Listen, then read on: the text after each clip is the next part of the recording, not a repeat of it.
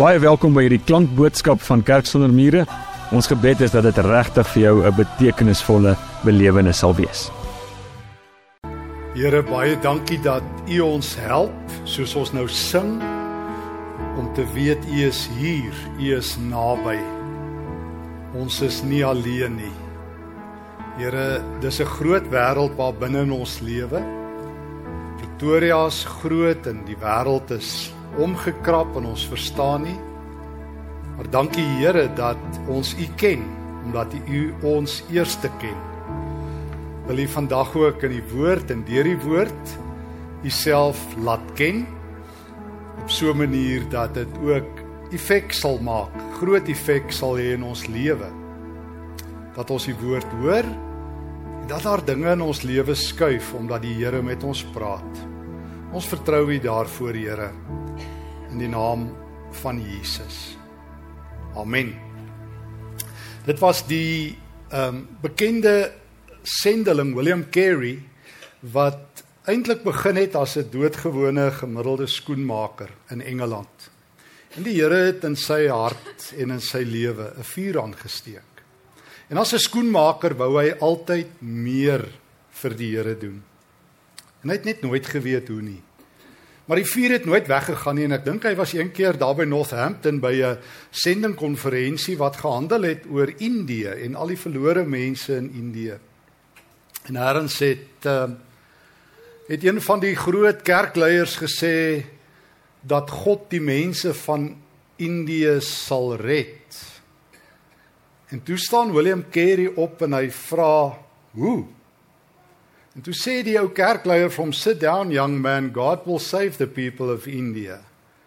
En toe staan Kerry weer op toe sê how will he do it if I don't go? En miskien is dit wat die Here moet mense doen wat die wêreld verander. Hy plaas 'n las op hulle harte. In Nehemia se taal, hulle kry 'n pyn soos in Nehemia 1. 'n Pyn wat net nooit verdwyn nie. 'n pyn wat net swaarder en swaarder raak.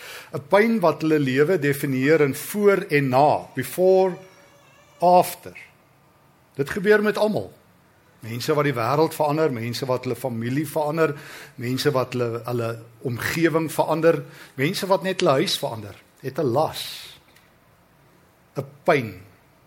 Nehemia was hierdie suksesvolle jong man in die buiteland die koning se skinker, die wêreldberoemde koning Artaxerxes die eerste.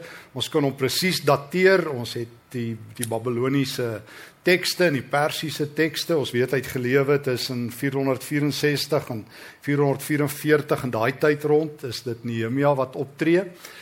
Maar Nehemia begin as 'n doodgewone ou. Hy het nie beplan om 'n uh, 'n groot indruk vir die Here te maak of om laat sy lewe te laat tel nie. Hy hy het 'n topwerk gehad. Hy was die koning se skinker. Hy was sy raadgewer. Hy was in die binnekring. Wat 'n werk om te hê. Die vertroueling van die magtigste man op aarde. Totdat die Here pyn op sy hart en op sy skouers en op sy lewe geplaas het. Toe hy gehoor het hoe sleg gaan dit in Israel.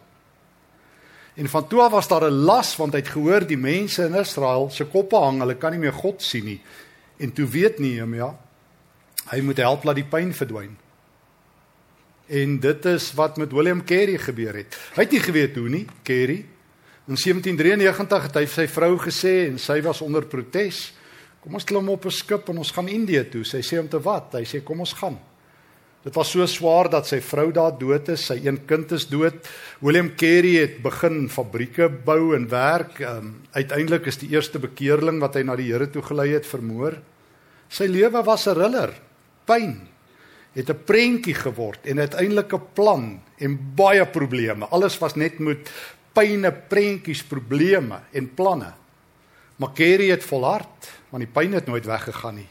En vandag word hy beskou as die vader van die moderne sending. Omdat hy die Bybel vertaal het in twee grootste Indiese tale, Sanskrit en van die ander Hindi en hy het dit reg gekry, man alleen dat God vir hom 'n las gegee het. Niemand verander die wêreld in 'n geriefsone nie. Ek het nog nooit iemand gesien wat hulle lewe net beveilig en net hulle lewe se hele doel is om dit veilig en voorspelbaar te maak wat die wêreld verander nie. Niemand doen dit nie. Maar dis daai mense wat God eintlik uit hierdie veilige sone uitstamp wat die wêreld verander. Eintlik moet elke Christen daar wees. Dit is wat dit beteken as Jesus vir jou sê volg my.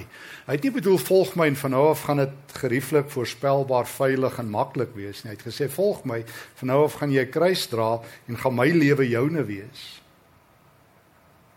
Jesus sê nie soos wat die kerk dit dikwels deur die eeue verander het, nooi my in jou lewe in. Nou die dag het ek weer gehoor iemand sê hy het die Here in sy lewe ingenooi. Nee, nooit nie. Die Here sê nie ek wil in jou lewe wees nie. Hy sê jy moet in my lewe wees. En ek het groot geword ek moet my hart vir die Here gee. Die Here het nooit sulke onsin gesê nie. Hy het sê ek wil my hart vir jou gee en ek wil my verhaal in jou jy moet deel word van my verhaal. Volg my. Moenie vir my vra om jou te volg nie. Volg my. En dis wat met William Carey gebeur het en dit is wat met Nehemia gebeur het. En die goeie nuus of die slegte nuus is as jy dit nie doen nie, as die Here vir jou 'n las in jou lewe gee en jy leef nie daai las uit nie, gaan daar iets verskrikliks met jou gebeur. Daar gaan daar met jou gebeur en ek wil net hierdie stukkie lees van niemand minders nie as Martin Niemöller. Martin Niemöller was 'n dominee in Duitsland uh, in die begin van die Tweede Wêreldoorlog. Hy was 'n nasie. Hy het hy het ook deel gewees van die nasie-party. En toe hy sien wat Adolf Hitler doen, het hy teen hulle gedraai. Dit het hom bitterduur gekos. Die Here het hom 'n las gegee. Die las was so swaar dat Niemöller letterlik in konsentrasiekampe gegooi is daar buitekant München en Dachau was hy onder andere van 1937 tot 1945 moes Niemöller 'n bitter bitter duur prys betaal vir die las wat hy gekry het. Nee, is nooit veilig om die Here te volg nie. Vra vir Paulus. Vra vir Luther wat sy hele lewe lank eintlik 'n um, 'n doodsvonnis oor sy kop gehad het. Min mense weet dit, maar van 1520 af was Martin Luther doodverklaar. Enige ou kon hom doodmaak. En hy het net God vertrou. Maar dis wat gebeur as die Here vir jou las gee, 'n pyn gee of dit is soos in 2 Konings 5 die dogtertjie van 'n Aman of die dogtertjie wat 'n slavin is in die paleis van of in die huis van generaal Naaman wat melaats word, het sy 'n las om vanuit die skottelgoed uit die generaal by Elisa te kry sodat hy gesond sal word en die pyn gaan nie weg nie tot sy dit doen. So die vraag net is wat se pyn het jy? Wat se las het die Here op jou gesit? Ek vra nie wat 'n pyn gee jy af nie. Baie mense is 'n pyn en ander mense het het 'n pyn. So ehm um, die Here gee vir jou 'n las waarmee jy die wêreld moet aanvat. Die wêreld moet verander. Jou wêreld moet verander. En dan word dit 'n prentjie. Erns het het Kerry gesien hy moet Indië toe gaan en dan begin dit 'n plan word. En dit rol so stadig uit en as dit nie gebeur nie, dan gebeur met Martin Niemöller. Want hy skrywe dis 'n baie bekende woord wat ek dink op sy grafsteen staan in Engels. Hy vertel dat hy lank die pyn teengestaan het totdat hy uiteindelik die moed gehad het om op te staan vir die Here as 'n ouer persoon. Hulle skryf op sy grafsteen sy eie woorde first I came for the socialists and I did not speak out because I was not a socialist. Then they came for the trade unionists and I did not speak out because I was not a trade unionist. And then they came for the Jews and I did not speak out because I was not a Jew. And then they came for me and there was no one left to speak for me. So baie keer sê die Here jou soos Nehemia in 'n blik Partykeer sit jy in Pretoria in 'n blik en mag vanoggend die gees van die Here jou in 'n blik sit sodat jy uit jou geriefsone sal kom. En waaragtig iets vir die Here sal beteken dat jy kan nie met een lewe of jy 3 jaar oud is of jy 12 jaar oud is of jy 80 is 'n lewe leef wat net potensiaal het en niks verder nie. Te veel mense het potensiaal. Ek sal my hele lewe nooit vergeet nie.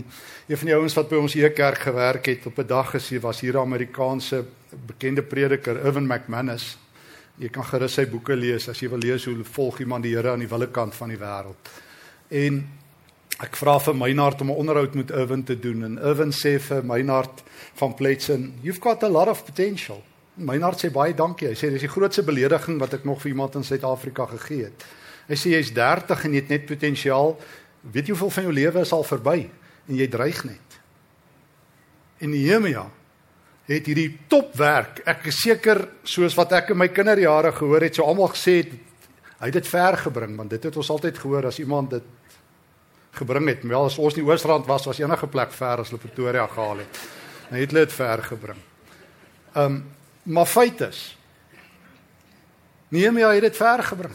Hy het dit gemaak. Hy was 'n gemaakte man. Hy kon op sy CV sit raad raadgewer vir die magtigste man op aarde. En God sê genoeg daarvan Nehemia. Dis tyd dat jy 'n las het, my las. Dan bedank hy alles. En hy sien 'n prentjie van 'n muur rondom 'n stad in Jerusalem in 'n stad wat gaan veilig wees waar mense weer gaan opkyk en die Here sien en mense weer hoop gaan hê en nie 'n hoopverlore straat en 'n moedverlore se laagte uitkamp nie. En dis klaar met ons brigades is en hier kom groot moeilikheid gesange sing nie waar een man die verskil het. Dan gaan hy terug en dan begin hulle 'n muur bou. Nehemia 3. Maar soos wat dit gaan, wag moeilikheid Maar daar's geen goeie plan en goeie geen goeie pyn wat nie saam met eindelose probleme gaan nie. Die een ding wat die Here nooit waarborg nie, is 'n maklike seil, free sailing. Die een ding wat die Here altyd sê en wat lyk vir my min Christene raak lees, is dat ons die lewe van Jesus lewe en die lewe van Jesus is 'n kruis. Dat Paulus vir die Korintiërs in 2 Korintiërs 4 sê ek dra die dood van Jesus met my saam.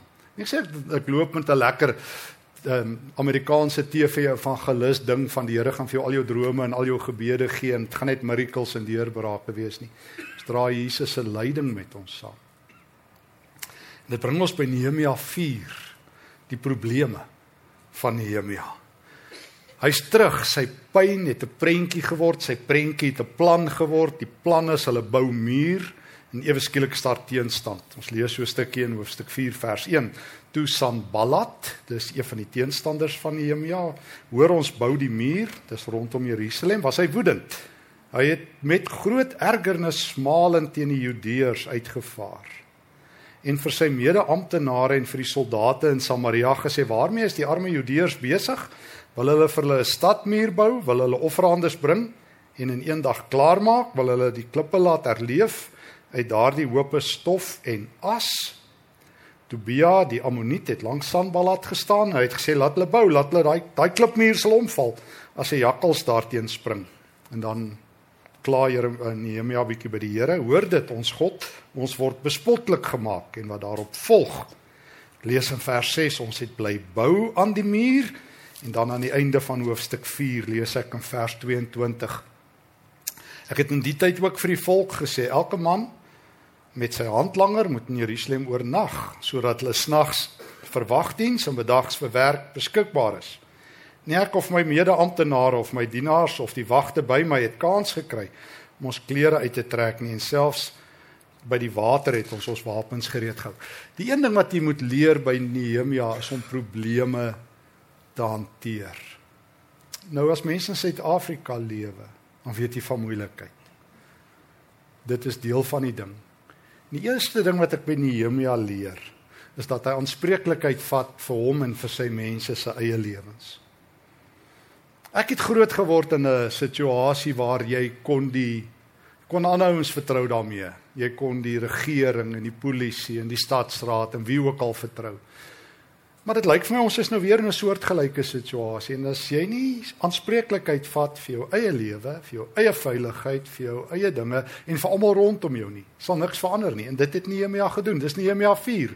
Kom ons vat aanspreeklikheid. Dis ons lewens en ons gaan ons lewens tot eer van die Here leef. So ek ek, ek vind in hoofstuk 4 'n geweldige stuk aanspreeklikheid. Dis wat 'n goeie leier doen. Dis wat iemand doen wat die Here mee praat. Ons sê nie dis hulle skuld nie, want dis baie maklik. En dit doen almal in Suid-Afrika. Dis hulle skuld en Doorie skuld en Diese skuld en so gaan die skuld nou maar aan. Soos die skuld loop verander niks. Want skuld word nie afbetaal nie. Maar dis wanneer 'n man van die Here in die in die huis is of in die stad is of in die dorp is of 'n vrou van die Here of 'n jong mens van die Here en sê genoeg, kom ons doen net iets. Kom ons kry soos in in in 2 Konings 5 die generaal by Elisa, dan sal hy gesond word. Ons almal kan nou sê dis verskriklik die generaal is siek of ons doen iets. Of Martin Luther kon gesê het, kyk net hoe verskriklik dat die Bybel in Latyn is en niemand lees nie en al hierdie dwaalings en daar kom 10 kerkraadsvergaderings en 200 sinodes gewees het en almal so gesê het, waar gaan alles heen? Dit is klaar met ons. Of jy kon Luther gekry het sê nou stop dit en hy slaan die stellings teen die kerk se deur op en hy vertaal die Bybel en hy sê nou is dit verby. Nou stop ons hierdie gemors. Jy het net iemand nodig wat 'n pyn het en uit 'n geriefsone tree. Dis so eenvoudig of so moeilik. Want meeste mense in 'n geriefsone sal vir jou sê dis nie so maklik nie. Maar wie het ooit gesê die waarheid is maklik? Wie het ooit gesê dit moet maklik wees? Dit is juis mense wat werk en dit sal jy ook weet. Alles wat jy in jou lewe bereik het, wat die moeite werd is, het jy voor gewerk. Dit het nie op jou afgeval nie. So ek leer by Nehemia 'n groot stuk aanspreeklikheid. Ek leer ek leer tweedens 'n stuk paraatheid. Hy lees die situasie. Hy weet dit is onveilig, dan doen hulle iets daan. Hulle sit nie met gevoude hande nie, hulle doen iets. Hy's paraat. Ek lees 'n derde ding, hy trek grense rondom homself en rondom sy mense. Hy weet wie's vyande en hy weet wie's vriende.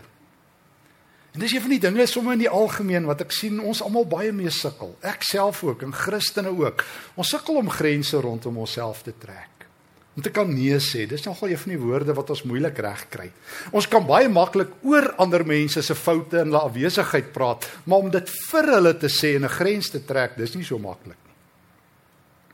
Spreuke 26 is 'n baie baie, dis een van die mees boeiende tekste van die Ou Testament, Spreuke 26 vers 4 en 5 want dit lyk asof dit mekaar letterlik weerspreek twee verse. Hoor net hoe skryf die Spreuke skrywer in vers 4. Moenie 'n dwaase vraag op net so 'n dwaase manier antwoord nie. Hy sal dink jy's net soos hy. Vers 5. Beantwoord 'n dwaase vraag op so 'n dwaase manier, anders te dink hy net uit wysheid. Juksta posisie, twee tekste wat lynreg teenoor mekaar staan. Hoekom? Dis presies wysheid. Jy moet weet wanneer jy tussen dwaase en wanneer jy tussen wyse mense.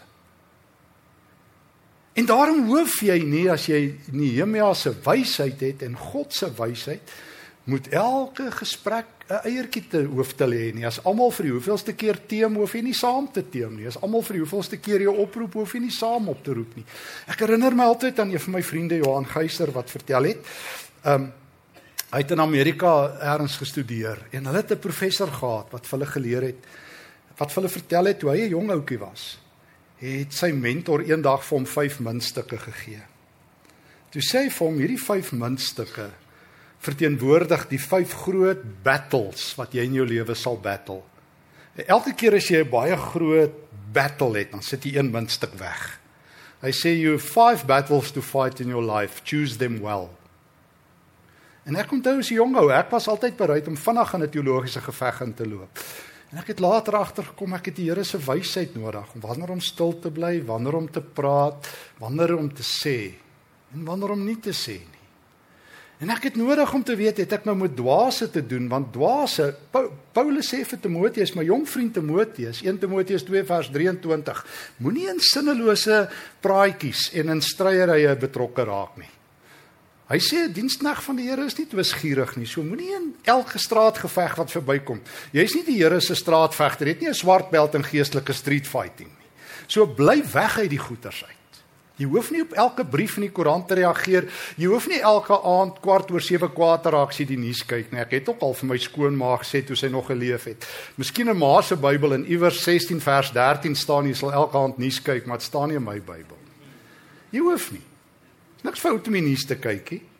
Maar as dit jou bloeddruk elke aand opjaag en dit jou nie leer om sinvol te leef om te weet wanneer as jy met dwaase en wyse mense nie, maar dit wat die Bybel sê, maar dit doen maar nie om die Bybel elke dag te lees en te oordink nie. Dit staan moet jy doen. Dit staan op Psalm 1 vers 1, nie iewers 16 vers 12 nie. Staan want my maat het altyd sê staan iewers, sê ek ja, iewers 16 vers 12.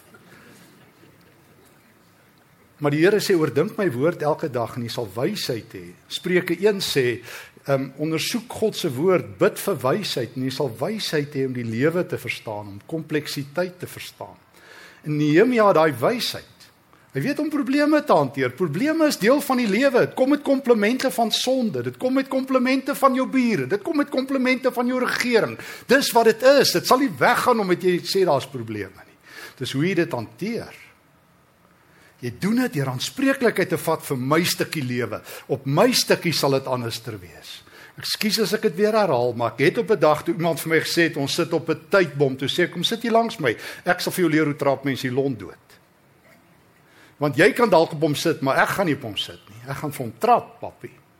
Die lont bedoel ek. En as hy skiet, dan skiet hy vir my tot by die Here. So hoe sleg is dit? Hy sê ja, maar ek's naïef. Ek sê nee, nee. En jy's depressief. So, kom ons deel daarmee. Maar daar moet eers moet 'n mens 'n stuk wysheid in jou lewe hê om grense te trek. Om te sê so ver en nie verder nie. Dink net hoeveel families sou beter gewees het as iemand die guts sou gehad het om vir die moeilike oom sê nou stop jy jou nonsens. Of die ou wat altyd 'n tantrumpie gooi te sê nou hou jy op. Of by die kerk die moeilike lidmaat net 'n slag vas te vat en sê dis nou verby hoor. Daar's 'n ander gemeente as dit nie vir jou werk nie. Maar ons almal paai en lawe the the weakest link. Ons sê nie soos hy tannie you the weakest link goodbye nie. You the weakest link. Hoe kan ek help? Die Bybel sê nie ek moet mense se hang-ups dra nie. Die Bybel sê ek mense se laste dra. Gaan lees Galasiërs 6 vers 2 reg.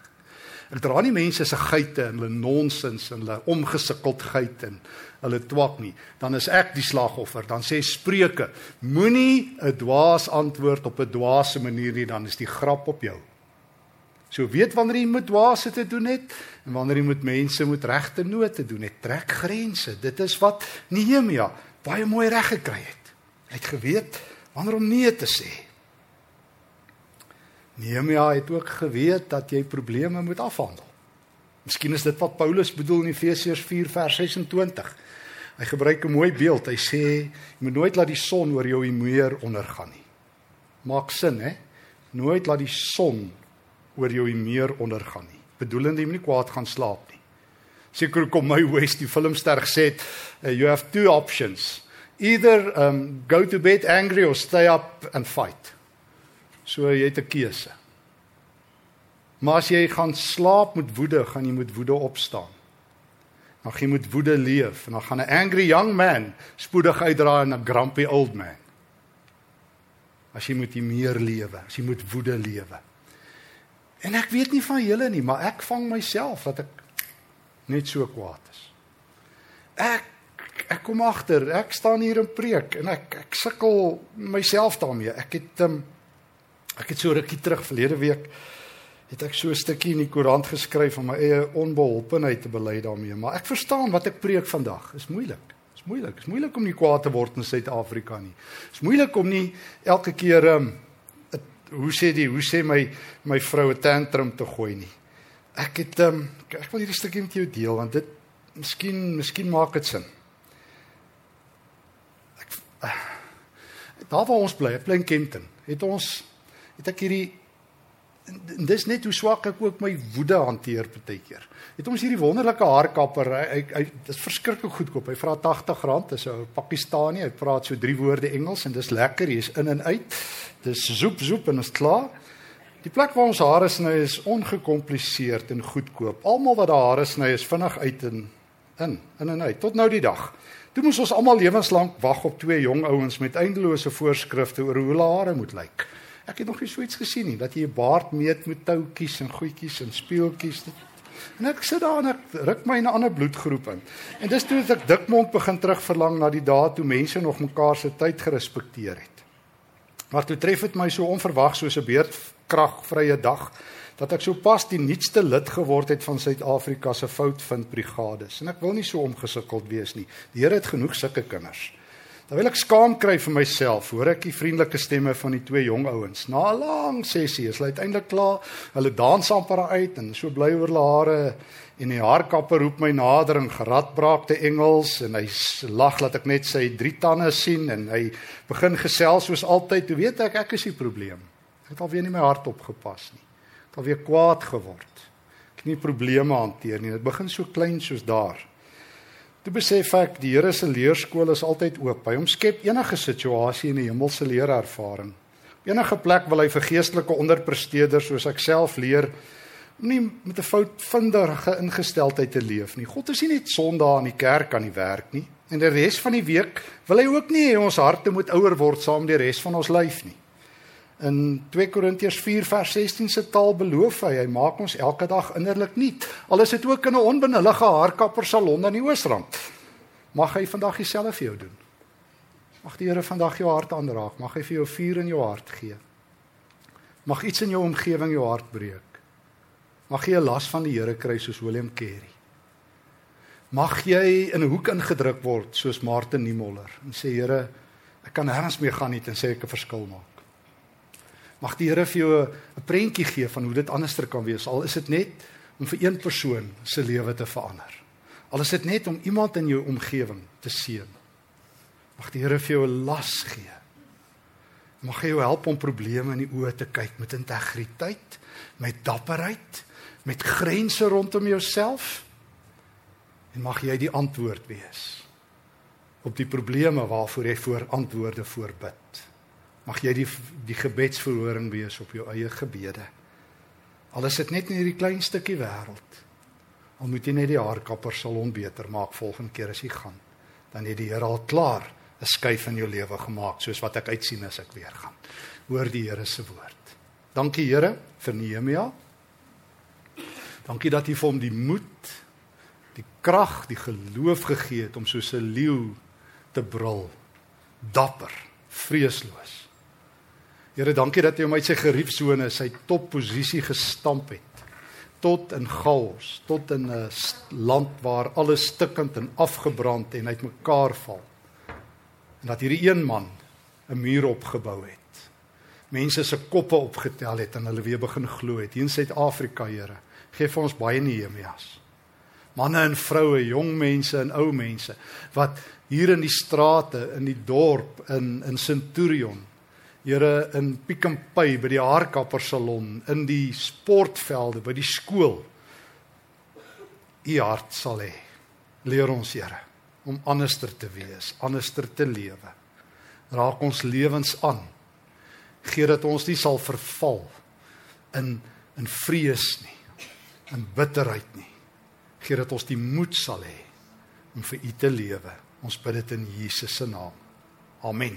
Indien hierdie boodskap vir jou iets beteken het, dan wil ek vir jou vra, deel dit asseblief met iemand wat jy ken. En moet asseblief nie vergeet nie, ons sal jou bitter graag wil verwelkom by ons in-persoon eredienste op Sondag.